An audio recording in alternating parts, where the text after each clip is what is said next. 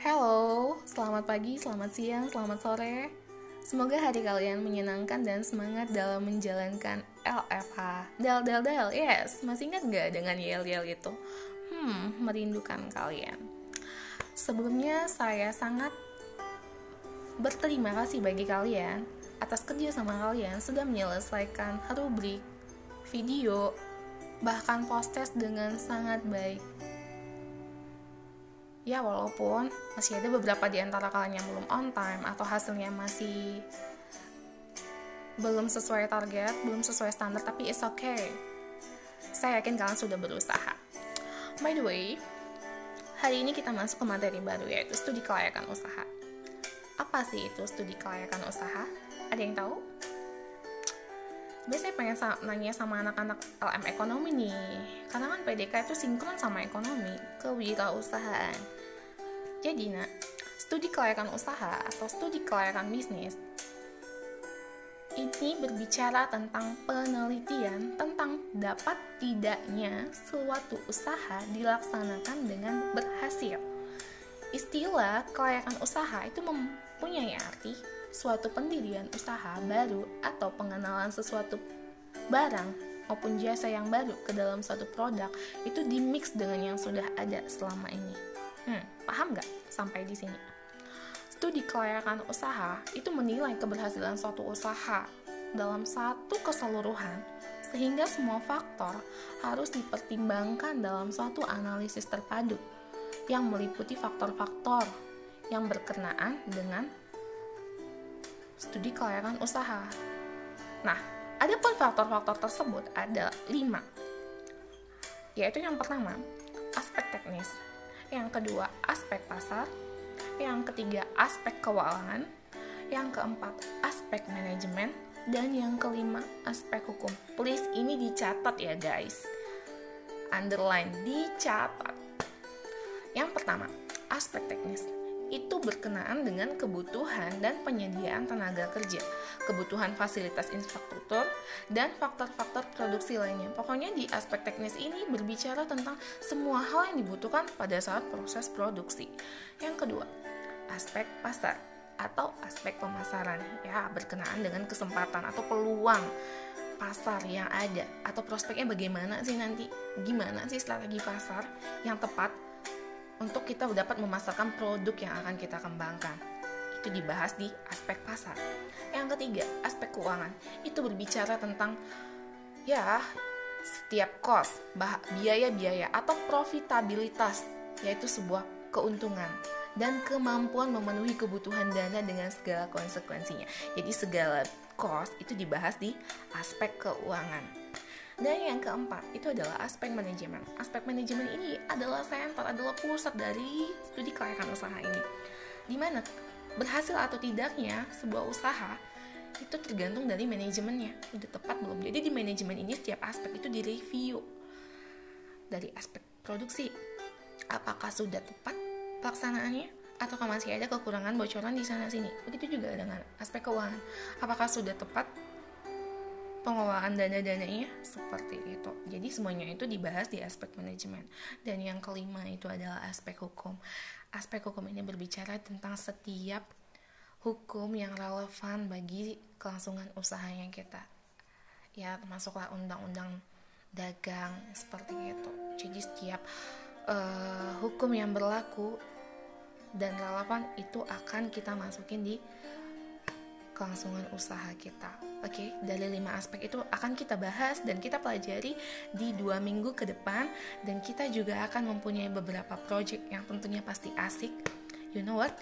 Saya sangat-sangat menginginkan kalian mengerjakan project dengan asik dan totalitas dan saya tunggu hasil project kalian, hasil uh, pengerjaan dari kreativitas kalian dan tentunya Sebelum itu kita akan bahas juga uh, teknisnya di WAG nanti. Oke, okay, see you guys. Uh, semoga hari kalian selalu sukacita dan keep smile. See you. Halo semuanya. Selamat datang di podcast Youth Entrepreneurship. Ini adalah podcast pertama di tahun ajaran 2020-2021.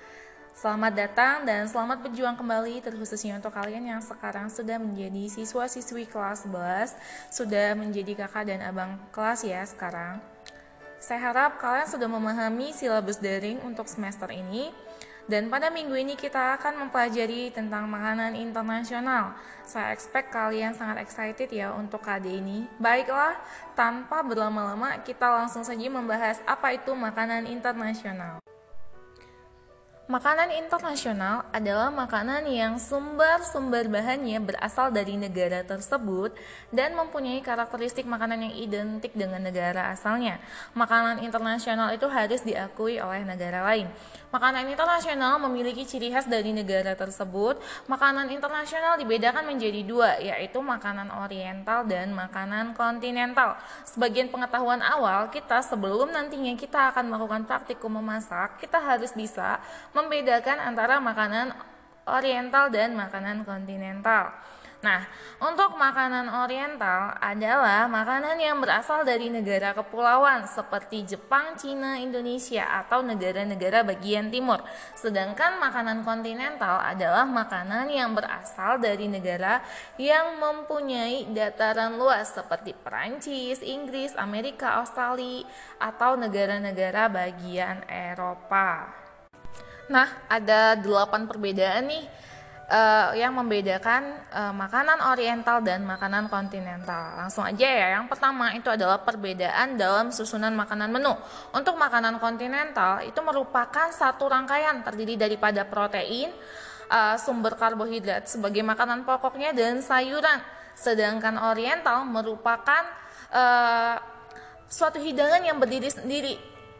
Jadi dia misalnya uh, makanan pokok ya udah makanan pokok aja uh, olahan lauk pauk, olahan lauk pauk aja dan sayuran adalah olahan sayuran saja. Itu perbedaannya ya kalau kontinental dia uh, merupakan satu rangkaian menu sedangkan kalau oriental dia makanannya yang berdiri sendiri. Nah, yang kedua itu adalah perbedaan dalam pemilihan sumber karbohidratnya atau makanan pokok. Nah, untuk makanan kontinental itu menggunakan kentang porsi karbohidratnya itu lebih sedikit daripada porsi protein. Sedangkan untuk makanan oriental itu menggunakan beras, mie, e, jagung dan lain-lain. Nah, porsi karbonnya itu biasanya lebih banyak daripada porsi proteinnya. Dan yang ketiga itu adalah perbedaan dalam lauk pauknya. Nah, untuk makanan kontinental itu berasal dari atau bersumber daripada daging. Nah, protein hewani ini biasanya uh, lebih banyak lebih banyak daripada si karbonnya. Nah, berbanding terbalik dengan si oriental ini uh, lauk pauknya terdiri daripada uh, daripada, daripada olahan daging, ikan dan lain-lain, tapi jumlahnya itu lebih sedikit daripada sumber karbonnya. Jadi untuk masakan oriental proteinnya itu berbanding terbalik dengan si kontinental. Nah, yang keempat itu adalah perbedaan dalam sayuran. Untuk makanan kontinental, uh, sayurannya itu porsinya sama dengan si sumber karbo. Jadi kalau kalian bisa melihat dalam stick nih misalnya, di stick itu kita bisa melihat si vegetable dengan si garniture, uh, si karbohidratnya itu porsinya sama Sedangkan untuk ikannya itu yang lebih besar. Jadi misalnya nih si sayurannya adalah wortel dan buncis itu jumlahnya sama dengan si mashed potato-nya. Nah, sedangkan untuk makanan oriental susu, uh, susunannya berdiri sendiri seperti yang tadi saya jelaskan sebelumnya. Jadi tidak ada standarisasi tertentu untuk jumlah sayurannya dalam masakan oriental. Dan yang kelima dalam penggunaan bumbu.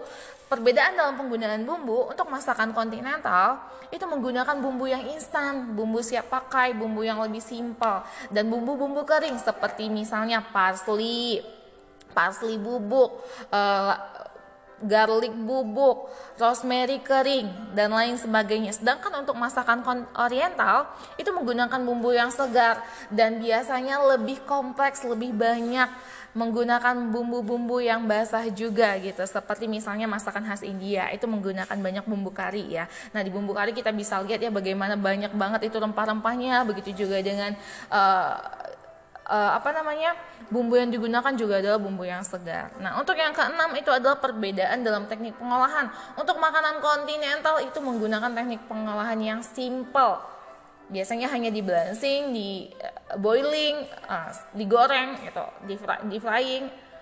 Dia lebih sederhana dan menggunakan waktu yang lebih singkat atau relatif cepat. Sedangkan untuk oriental itu menggunakan teknik memasak yang lebih kompleks dan lebih lama. Itu bisa kita lihat ya dari masakannya. Dan yang untuk ketujuh itu adalah perbedaan dari pada tata cara penyajian atau plating dan garnisnya. Nah, untuk kontinental itu pelayanannya bertahap. Nah, uh, biasanya untuk masakan kontinental itu menggunakan alat saji dan alat makan yang berbeda pada setiap menunya. Uh, untuk untuk masakan untuk menu appetizer itu beda alat sajinya dengan uh, dengan main course, dengan sup, dengan dessert. Nah, berbeda terbanding berbanding terbalik dengan oriental biasanya nih makanan oriental itu lebih simpel dalam penyajiannya dan dihidangkan bersamaan dan alat makan yang digunakan pun biasanya sama. Jadi biar nggak ada ketentuan khusus untuk alat saji gitu. Dan yang terakhir adalah perbedaan dalam struktur menu. Uh, makanan kontinental itu sebenarnya ya kalau benar detail kita pelajarin terkhusus untuk menu klasik khas kerajaan Inggris itu terdiri dari 13 menu giliran.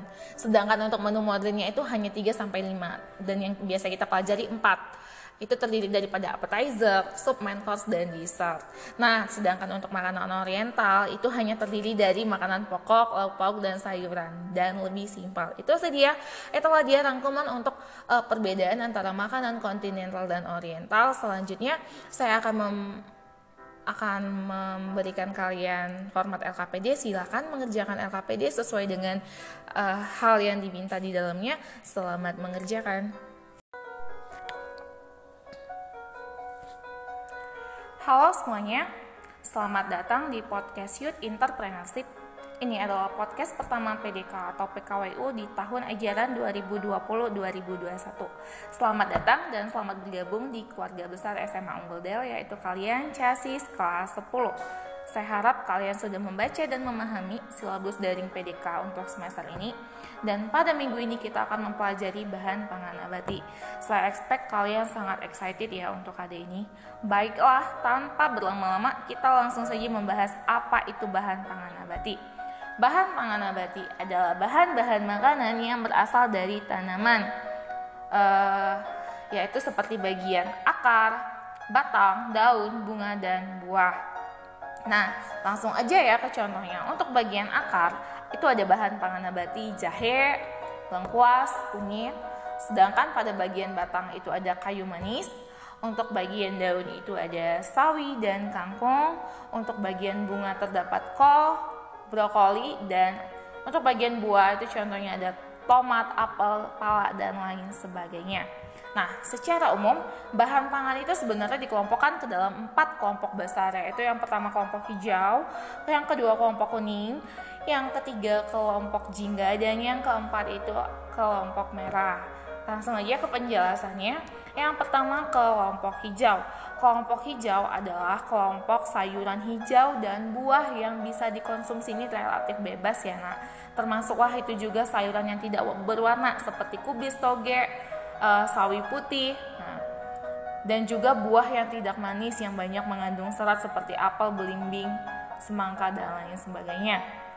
Uh, kelompok hijau ini merupakan sumber vitamin, mineral, dan serat makanan. Yang kedua itu adalah kelompok kuning. Kelompok kuning ini merupakan kelompok sereal, kelompok biji-bijian atau umbi-umbian. Nih kalau kalian pernah lihat sereal seperti gandum, oat, nah itu masuk ke dalam kelompok kuning.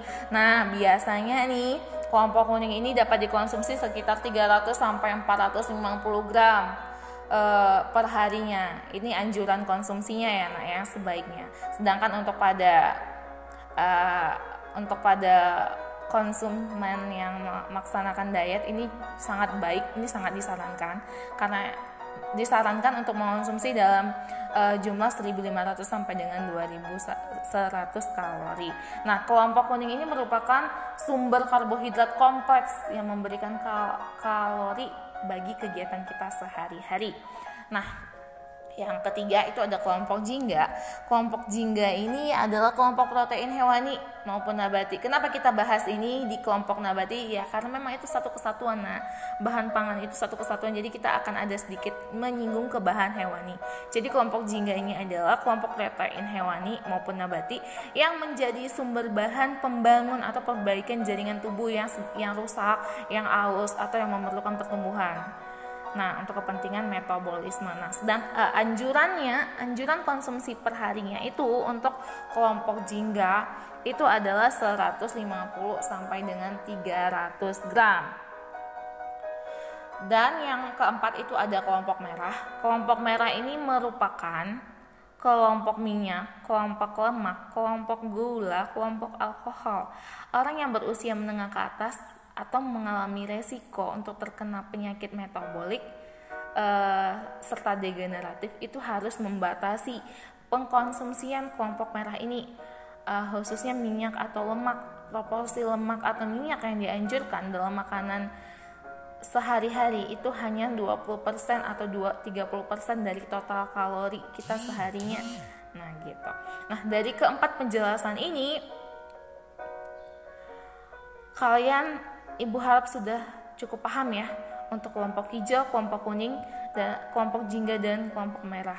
Ibu harap kalian sudah dapat membedakannya masing-masing dan kalian selanjutnya akan uh, mengerjakan LKPD yang telah Ibu download di Moodle. Uh, tolong kalian kerjakan sesuai dengan instruksi yang terdapat di dalamnya. Baiklah, uh, cukup sekian pemaparan untuk hari ini. Selamat mengerjakan.